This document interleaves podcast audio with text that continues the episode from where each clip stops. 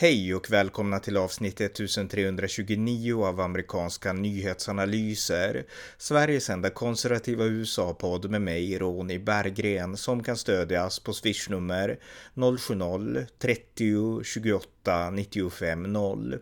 Här följer en uppdatering om det senaste i USA tillsammans med min kollega Björn Nordström. Varmt välkomna! Björn Nordström, välkommen! Tack så mycket. Eh, vi ska uppdatera lite om det senaste som hänt de senaste dagarna i USA och eh, ja, du kan börja. Ja, vi kan ju börja med CNN då, det här typiska hyckleriet inom CNN eh, och inte bara CNN utan vänsterliberal media. Så en frilansare för CNN uh, som är palestinier-supporter, han har varit frilansare i många år för CNN och gjort många reportage. Och i alla fall redan för flera år sedan, jag tror 2014, 2015 någon gång, så gjorde han, skrev han massa positiva kommentarer om Adolf Hitler. Han är en stor Adolf Hitler och nazistsupporter, men han fick fortfarande vara kvar på CNN. De, uh, de tweetsen nu har, har, kommit fram, har framkommit nu igen i samband med Palestina, för han styrde tydligen Palestina med, mot Israel och har gjort mycket antisemitiska uttalanden. Men i alla fall, det visar ju det här gamla vanliga att, att vänsterliberal media här då med CNN i spetsen liksom tillåter en person som har gjort bokstavligen lagt ut positiva kommentarer om Adolf Hitler på sitt Twitterkonto för flera år sedan. Ändå har han fått vara frilansare för CNN i många år. Mm. Men om det är någon som skriver någonting negativt om islam till exempel, bara en negativ kommentar som är faktabaserad, baserad till exempel att, att islam förtrycker kvinnor till exempel, va? då ryker man direkt. Mm. Eh, gällande just Israel-Palestina-konflikten så är det så här att vänsterfalangen i Demokraterna, alltså The Squad, de är ju väldigt kritiska. De tycker att Biden ska ta en hårdare ton mot Israel. Och nyligen så hamnade Biden i en slags, yeah. ja, ett het, en het diskussion med Rashida Talib. Eh, och eh, vi vet inte exakt vad som sades, men det lät som att de bråkade och efteråt så, så hyllade ändå Biden henne som en modig person som vågar säga vad hon tycker. Men jag gissar att det här bråket som ägde rum, jag tror att det var på en flygplats. flygplats i Detroit, Michigan. Ja, precis precis. Jag antar att det hade att göra med Israel-Palestina-konflikten. Hon ville pressa Biden att köra hårdare på mot Israel och Biden ville inte det, gissar jag. Ja, det är precis det det stämmer. Och eh, om jag fattar rätt, om jag minns rätt, så är ju Rashida Talib, är, hon är väl palestinier, ja. om jag inte minns fel, från början va? Så naturligtvis vill hon trycka på Biden och Biden har gjort positiva uttalanden om Israel. Han tänker inte göra någonting åt för, han tänker inte, vad ska man säga, gå hårdare åt mot Israel tror jag. Utan han kommer att, jag vet inte hur han kommer att göra, han sitter ju i en rejäl rävsax va, men hon är ju förbaskad på honom i alla fall. Hon skällde ut honom så att de råkar springa ihop med varandra. Hon är från Michigan, hon representerar uh, en, ett, ett distrikt i Michigan, i delstaten Michigan i alla fall, i Detroit tror jag. Mm. Och det roliga var i alla fall att Biden han gjorde ut ytterligare en groda. Han kallar henne för Rashid Talib. Rashid är, är, är, vad ska man säga, pojknamnet och Rashida är flicknamnet. Så han kallar henne för Rashid Talib som pojknamn i alla fall. Så det är ju en rolig groda det hela. Men i alla fall, de är, hon är skitförbannad på honom och han försökte då, vad ska man säga, uh, smooth it over genom att vara liksom snäll och trevlig mot henne. Men att det, det, är uppenbart nu att det är en stor konflikt mellan de två, även då skulle jag tro ytterligare tre, fyra stycken på vänster, i vänsterfalangen i Demokratiska partiet. Mm, ja, precis. Eh, Så de håller på att implodera nu i alla fall i, i Demokraterna ja. angående det med. Ja, något annat? Ja, och vi, vi, jag tror att du och jag textade lite grann om det här, eller skrev till varandra om det här lite grann med att eh, prins Harry, han kritiserade amerikanska First Amendment, yttrandefriheten i USA. Och han, Prince Harry är ju inte speciellt populär i England nu och nu har han kritiserat First Amendment i USA så han är inte populär, speciellt populär här i USA heller med. Så alltså, han är inte populär längre någonstans. Men i alla fall, han tyckte, han, jag tror inte han begriper. Antingen så begriper han inte First Amendment, men det tror jag han gör. Men jag tror att Meghan Markle, hans fru, trycker på honom rätt rejält. Jag tror att hon är rejält vänster och trycker på honom. Men i alla fall, men i alla fall Prince Harry, han, han, gör, han gör sig ovänner nu med både britterna och amerikanerna. Jag tror att han har nog ingen framtid i, något av länderna. Nej, nej, det är intressant här och det är ju såklart att det här väckte ju högern till liv då i USA. Jag har sett eh, jättemånga ja. sådana här på Fox News, högerpersonligheterna som, som menar att eh, ja, du borde liksom, ja, du, du är helt värdelös och kom ihåg att det var vi som vann ungefär frihetskriget och sådana saker. Så att, eh, alltså det är inte bara det, utan han eldar också på en gammal konflikt som inte finns längre. För jag menar den här konflikten mellan England och Storbritannien, den är sedan länge både begravd och förlåten och idag så är Storbritannien och USA de bästa vänner egentligen kan man säga ideologiskt och politiskt och sådär. De har samma värderingar och samma politiska syn på världen och så. Så att han, för, på något sätt, det enda han gör det är att försöka riva upp gamla sår och liksom mena att det här, för jag menar, första amendment, det är ju definitionen av USAs konstitution, den som stod i motsättning till det brittiska som USA gjorde uppror mot. Så att, att en brittisk monark, för detta monark, kommer till USA och dissar, alltså första amendment, det kan inte bli värre liksom. Nej, precis. Jag såg även att Ted Cruz, senator från Texas, och Dan Crenshaw som är kongressledamot från Texas, mm. gav, gav honom hård kritik för det. Och jag tror också det visar en extrem ignorans och, och liksom korkhet och också respekt. Han visar ingen respekt när man kommer till ett nytt land, framförallt ett demokratiskt land. Då ska man visa respekt inför de lagarna och de, den konstitutionen som gäller. Det är, liksom, det är sunt förnuft, det är bara rent vanligt hyfs att man gör det. Men han gör inte det heller. Så att det liksom visar ju dålig respekt helt enkelt. Ja, det fanns ju... Och dålig kunskap, förlåt, och dålig, bara dålig kunskap. Han begriper ju inte vad yttrandefrihet innebär helt enkelt. Vad är, är vill han ha totalitarism istället? Ja, nej, men exakt. Jag menar när USA grundades 1776, då fanns det engelsmän som kom till USA. Mest kända är ju Thomas Paine som skrev den här, den här boken Sund förnuft, till för, där han förespråkade revolution mot Storbritannien. Och han kom till USA för att USA ville se ett friare samhälle än hemma i England. Och nu har vi en engelsman, en monark dessutom, som kommer till USA. Ja, han ogillar ju England helt uppenbart, för han dissade kungahuset också återigen. Men han verkar inte gilla USA heller, så att det han gillar är väl typ sin fru och bokkulturen i Kalifornien, antar jag. Ja, jag är inte säker på att han gillar woke-kulturen heller om jag ska vara ärlig. Jag tror snarare att han är så, han är på något sätt, han är liksom, frun är bossen och han, han är lydig och han liksom mm. bara gör allt hon säger ungefär. Så jag tror att han, han, han är en, en in, innerst inne en, en väldigt osäker, ingen, noll, noll självsäkerhet, noll vad ska man säga, self-confidence och allt sånt där. Han bara gör det hon säger. Ja, det tror jag. Det är förmodligen så ja. Eh, något annat? Jajamän, allt fler personer, den största gruppen nu som, som ertappas vid den mexikanska gränsen nu som försöker ta sig in i USA illegalt är från Venezuela. Venezuela som vi vet är inte direkt en demokrati utan snarare direkt tvärtom. Va? Så allt fler från Venezuela försöker nu ta sig in i USA. Och det här är lite grann som man tittar tillbaka historiskt så är det lite grann som, som det som skedde med Kuba för, ett, för många år sedan. Med kubaner som flydde, men de flydde ju med båt va. Men det var ju för att de, man, då, då, hade de en, en, en, en genuin anledning att fly, fly från Kuba och ta sig in i USA. Så USA och Biden nu, USA står inför ett väldigt stort problem. Om man öppnar upp nu för att folk från Venezuela ska få ta sig in på grund av att Venezuela är i princip kommunist eller socialistiskt i alla fall. Mm. Då kan det ju, eftersom det är så lätt att fly från Venezuela, de kan bara liksom promenera upp genom Latinamerika. Va? Det kan ju vara miljontals från Venezuela som kan liksom börja marschera nu från till USA. Och jag, vad jag förstår det som nu Eh, enligt det jag har läst är att om du är från, kan du bevisa att du är från Venezuela så har du rätt att få asyl automatiskt. Och det är lite grann som syrier som kom till Sverige där man gav dem automatiskt permanent uppehållstillstånd ungefär. Och då ser vi hur det går. Det är signalpolitiken är ju solklar. Så det här blir ett stort problem tror jag för USA. Att nu Venezuela kommer att tömma sin befolkning och promenera mot USA. Och det här är intressant därför att på 90-talet så var ju Bill Clinton, han var president och Janet Reno som sen vart minister i Obama-administrationen, hon var också någon form av minister då också och då var det så att eh, då var man mycket tuffare mot immigranterna från, från Kuba till, till, till USA än vad man är idag mot de här nu som kommer från Venezuela, demokraterna och alltså. Eh, så att det är intressant skiftet som har skett och ett annat tecken på det här skiftet är att Alexandra hon är emot nu utvisningar av kriminella. Så att eh, inte bara att hon är emot utvisningar, det visste vi redan, men av illegala immigranter, utan nu vill hon också att man ska inte utvisa, inte ens kriminella liksom gängmedlemmar. Ja, jag såg det också. Vi pratar ju inte om några duvungar direkt, det här är gängmedlemmar som skjuter ihjäl folk och mördar folk och, och liksom håller på med droger och smugglar människor. Liksom det är fruktansvärda brott, mot, även mot mänskliga rättigheter de begår. Hon är så att man, jag undrar egentligen hur de tänker, vad liksom tanken är, varför man inte ska göra det. Är det för att de avskyr USA så mycket eller vad, vad liksom är bakgrunden till varför man inte ens vill liksom, mördare och våldtäktsmän, varför ska man inte ens utvisa dem? Men det är lite grann som vänstern i Sverige. De vill inte utvisa några våldtäktsmän, även om då, de är bevisade våldtäktsmän. Nej, nej precis. Ja. Eh, något annat? Ja, jag såg att Chelsea Clinton, jag, jag, är inte säker på, jag tror att det här kan vara riktigt. Jag, enligt det jag kollat så är det, är det på, på, riktigt, men jag, folk kan väl dubbelkolla det här med om de vill.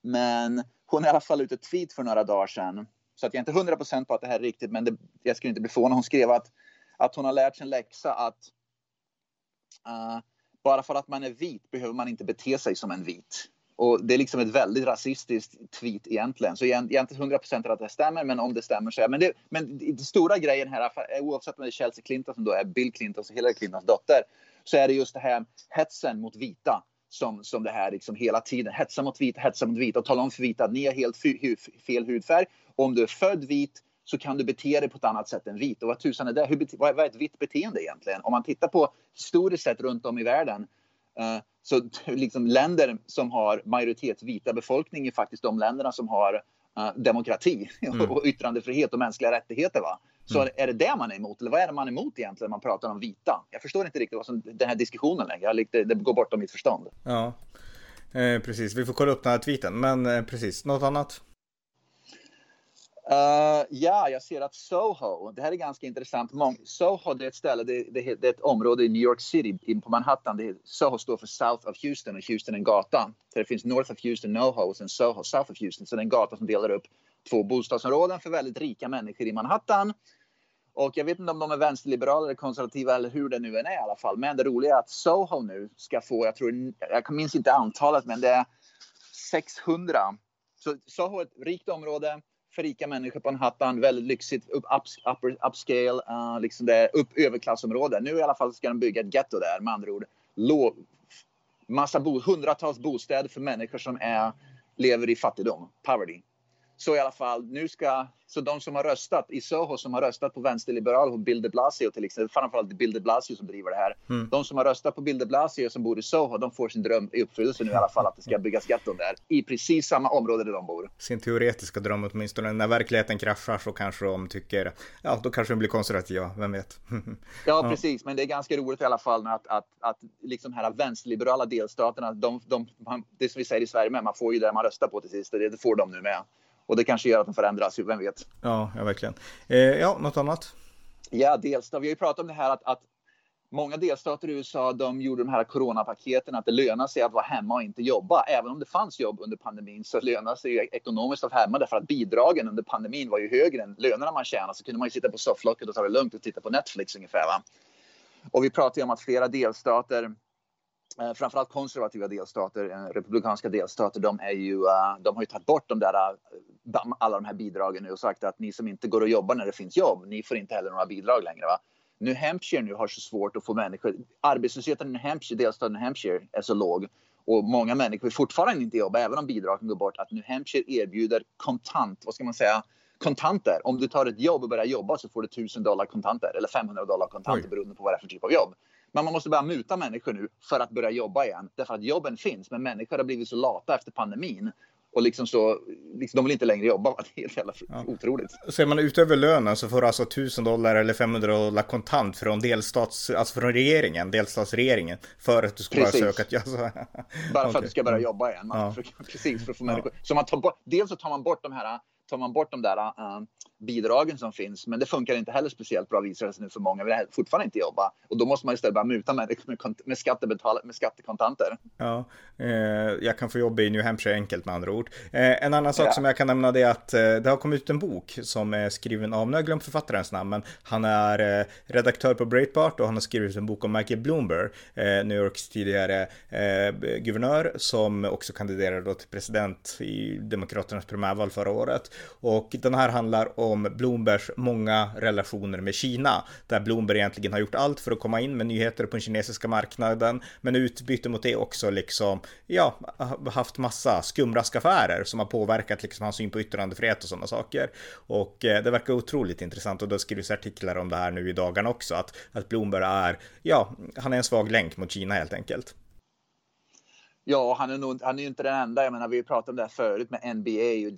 En, när, när proffsligan i basket i USA är en svag länk och LeBron James är en svag länk. Allt fler personer tror jag, och vi pratar om universiteten i USA.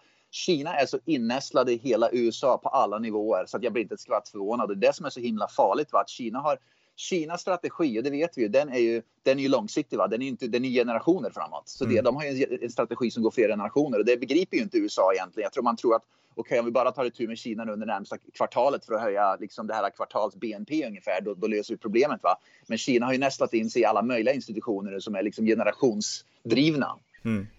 Så att det, här, det, jag vet inte hur det här ska gå, speciellt nu. Jag menar, Biden tar väl en tuff ton, men allt fler har ju sina investeringar i Kina och beroende av Kina. Så att, uh, jag, jag, tror man, det måste börja ske något ganska dramatiskt nu här i USA för att man måste på något sätt få ordning på det här. Och Kina har nis, säkert nästlat in sig på alla möjliga ställen som inte ens vi vet om. Ja, visst. Eh, något annat? Uh, ja. Jag såg att uh, Facebook la just nu ner en sida, uh, en sån här, vad ska man säga, en, en vad ska man säga, Facebook-sida som är pro-israelisk. Uh, och det visar lite grann som att Facebook uh, vill inte, verkar det som att israeler är de som stödjer Israel då ska få, ska få ska man säga, prata på Facebook. Och jag såg tydligen strategin som det här var. Tydligen var det väldigt många muslimer som har rapporterat den där sidan. De har gått in och lagt in kommentarer själva. Och så strategin är så här, det är lika som i Sverige det här med att man massa, vänstern går in och massanmäler ett konto ungefär och så läggs det ner. Va? Och tydligen så var det massa muslimer som har gått in och skrivit kommentarer på den där israeliska, pro-israeliska sidan. Och sen kontaktade de Facebook och sa att de inte alls har gjort det utan det måste vara någon andra som har gjort lagt kommentarerna. Och Facebook överreagerade omedelbart och la ner sidan.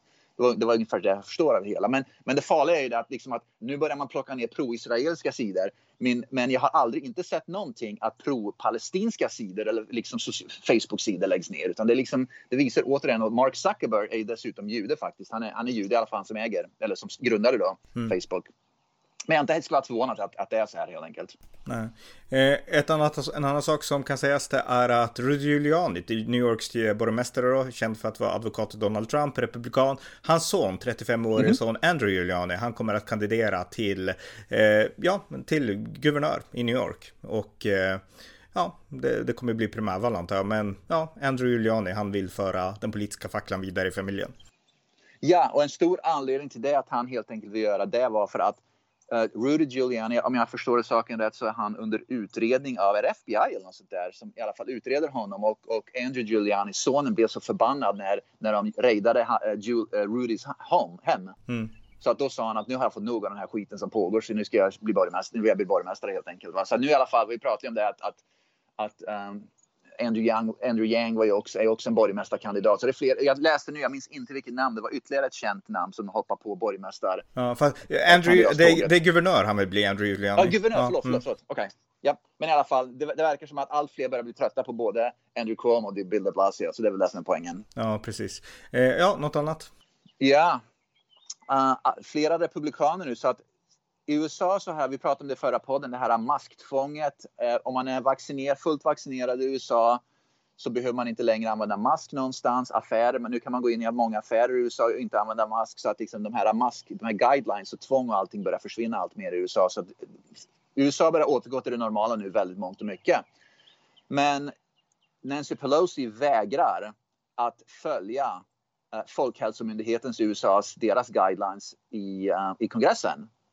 Utan hon har bestämt att i kongressen måste man fortfarande bära mask. Och det här är väldigt intressant. Först och främst, flera republikaner i kongressen vägrar bära mask, så de har tagit av sig masken nu i protest. Och det andra, det här är så himla intressant, när CDC, Folkhälsomyndigheten här i USA, började då för ett drygt år sedan att säga att vi måste bära ansiktsmasker och vi liksom följer vetenskapen, bär ansiktsmask och så vidare. Nancy Pelosi omedelbart hoppar ju på det och sa att det CDC säger CDC då igen, Folkhälsomyndigheten. Mm. Det de säger måste vi lyssna på. De vet vad de pratar om följ vetenskapen. Nu när CDC, Anthony Fauci, um, mm. i grunden då, när CDC går ut och säger att okej, okay, nu behöver ni inte bära mask längre, allt är okej, okay, det börjar bli normalt, är ni vaccinerade så är det lugna puckar, ni kan ta av er masken och så vidare. Det är vetenskapen som säger så. Nancy Pelosi helt plötsligt vägrar att följa Anthony Fauci. Hon vägrar att följa vetenskapen. Så hon var för vetenskap för, för ett år sedan. Nu är hon emot samma vetenskap och samma vetenskapspersoner och samma, eh, och samma myndighet. Och det, är, det är liksom det typiska hyckleriet. När det passar henne då är hon för vetenskap, vänsterliberal, då är man för någonting. Men när det inte passar då är man emot precis samma sak. Mm. Ja, precis. Eh, en sak som kan sägas också det är att eh, det är mycket prat om det här med liksom vaccinpass. Att man ska ha vaccinpass för att kunna göra saker för att visa att man är vaccinerad. Det här är någonting som historiskt har mött stort motstånd i USA. Därför att USA har liksom en, en konstitution som värnar integritet och sådana saker. Men det finns inte ens nationella ID-kort i USA, det vet ju du liksom. Utan det är, ja, yeah. man har körkort och man har liksom social security nummer likadant. Yeah. Så att många har varit emot vaccinpass, självklart, republikanerna. Men nu har även Biden Biden-administrationen sagt nej, alltså man kommer inte att ha vaccinpass i USA. Alldeles utmärkt och jag såg att, uh, jag pratade med, jag har inte själv varit inne i en affär, jag tror sen masktvånget blev avtaget, men jag pratade med en kompis igår som var inne i en affär och de, de visar inte någon vaccinpass eller någonting utan de bara promenerar in i, en affär utan mask. Så poängen där är att det är också ganska, jag vet inte hur man, hur man ska kunna kolla om det finns vaccinpass. Hur skulle man ens kunna kontrollera? Ska människor visa ett pass när de går in i en affär? Och man måste ju också tänka på här i USA uh, så har ju affärsägare, jag tror de har betydligt större makt att, att inte göra saker eller att göra saker. Som du äger en affär i USA så kan du då, även om det skulle vara ett vaccintvång eh, nationellt så skulle man lätt kunna in, vägra att, att precis som vi pratade om det, som delstater vägrar göra saker, skulle man kunna vägra det och sen stämma, stämma Biden istället. Va? Så att jag tror Biden begriper att nummer ett, det är liksom emot hela det amerikanska samhället och nummer två, det skulle bli så många stämningar och med största sannolikhet så skulle högsta domstolen då förbjuda ett sånt max, uh, mm. vaccinpasstvång och så vidare. och Så vidare. Så att rent juridiskt sett skulle det aldrig gå igenom heller. Det, USA funkar inte på det viset helt enkelt. Nej. Sen, sen som, som, du var inne på, alltså Vita huset de säger att vi låter den privata sektorn själva besluta om det här. Alltså det blir liksom lokala, alltså man får välja själv ungefär, de som bestämmer i butiker och, och sådana saker. Så att, Precis, låt ja. marknaden bestämma. Mm. Och vi ser, man ser det, vissa affärer här där jag bor, Bokstölen, vissa affärer kräver, äh, kräver mask, vissa kräver inte mask. Jag kan gå in på en affär utan mask och affären som ligger precis dörr i dörr, liksom 50 meter bort, mm. den, den, måste jag ha mask i. Va? Och det löser sig självt. Affärer kommer att inse vilka affärer det är. Om, tjänar de mer pengar på, på, att folk ska bära mask, då kommer de att tvinga, tvinga mask. Om de tjänar mer pengar på att inte ha mask, då kommer de inte ha mask. Och naturligtvis då kommer de, min gissning är att affärer kommer att tjäna pengar på att inte tvinga på folk masker, utan tvärtom, folk vill ta av dem. Och då mm. kommer allt fler affärer att hoppa på det tåget. Det intressanta här jag såg i USA, jag trodde först att så affären Walmart, det är liksom en affär som är då för, för vad ska man säga, um, för vad ska man säga, uh, vanliga, vad som kallas för uh, citattecken här då, white trash. Så Walmart är för white trash, vilket är en, en, en rasistisk, liksom en, en ganska taskig, en elak uh, stämpel mot, mot fattiga vita människor. Men det är i alla fall det de kallas här bland många, bland eliten då. Men i alla fall, så de kräver inte mask längre. De omedelbart, för de visste att deras kunder vill inte ha mask. Mm. Men det som är intressant är att Starbucks, det, det är en, en, ett, ett café, Starbucks, ett café. Och så finns det en affär som heter Trader Joe's. De är mer vänsterliberala, överklass. Vänsterliberala eliten går till dem. Men de har också tagit bort masktvånget, vilket är väldigt intressant. Så de vänsterliberala affärerna och kaféet då kräver inte längre heller mask, vilket jag var väldigt förvånad för att de var de som hoppade på maskerna direkt omedelbart och tyckte det var toppen att ha masker, bära ansiktsmasker. Så det verkar som att de begriper att, att kunder, inte ens vänsterliberal, vill bära mask längre. Nej, just det. Eh, en annan sak jag kan nämna det är att allt fler progressiva vänsterliberala, de vill att högsta domstolens domare Stephen Breyer, som är liberal då i domstolen, men han, är, jag vet inte hur gammal han är, om han är nästan över 80 eller något sånt där. Men han, de, jag tror han är 80. Ja, just det. De vill i alla fall att han ska gå i pension och de vill ju det därför att de ska kunna göra ungefär samma sak som Trump gjorde fast åt motsatt håll. Nominera en superliberal domare i högsta domstolen då för att uppväga den här äh, ganska konservativa majoriteten. Så att de pressar honom att gå i pension nu, Breyer, medan Biden är president och sådär. Eh, han verkar inte vilja det därför att han verkar tycka att det här är politiska påtryckningar och vi inom högsta domstolen, vi ska inte låta oss, ja, köras över av politiska påtryckningar. Så att det har blivit en liten backlash. Alltså han är ju liberal själv, men han gillar gillar inte att, att det är det här drevet. Eh, jag läste just att han är 82 år gammal. Okay. Ja, precis. Och jag tror att många, uh, jag tror att jag tror också att han är emot den här cancel culture innerst inne. De här, det är det som är så bra att, att HD, eh, federala domare, HD-domare även då naturligtvis, uh, man kan inte sparka dem, de sitter på livstid och de kan ta beslut och de får göra som de vill. Och när den här pressen kommer så kan man bara strunta i det för det finns inget de kan göra. Men jag tror ärligt talat att, att även då en sån som Stephen Breyer, han är ju inte direkt någon, någon, någon supervänsterliberal utan han, han har väl integritet då. Mm. Men jag tror också han är emot den här, de här dreven, de här cancel culture, de här dreven. Jag tror också en sån som Stephen Breyer, jag vet inte för ett faktum, men jag tror, jag är rätt övertygad om att han är emot de sakerna också inser hur farligt det är för det amerikanska samhället. Så han kan ju liksom ta avstånd från det genom att vägra göra det de vill. Därför att om han gör det som vänsterliberalerna driver, liksom det drevet de kör mot honom, att han bara vägrar ställa upp på det och liksom, han fortsätter bara i sin roll. Då, då liksom har han satt ner foten och sagt att det här är inte okej. Okay. Jag gör som jag vill. Jag går i pension när jag vill, vilket är hela syftet med en HD-domare. Att jag gör, jag pensionerar mig när jag vill, så håll käften ungefär. Mm, ja, precis. Ja, eh, något annat? Nej, det var det jag har på min lista idag. Ja, okej, okay. men tack så mycket. Ja, tack.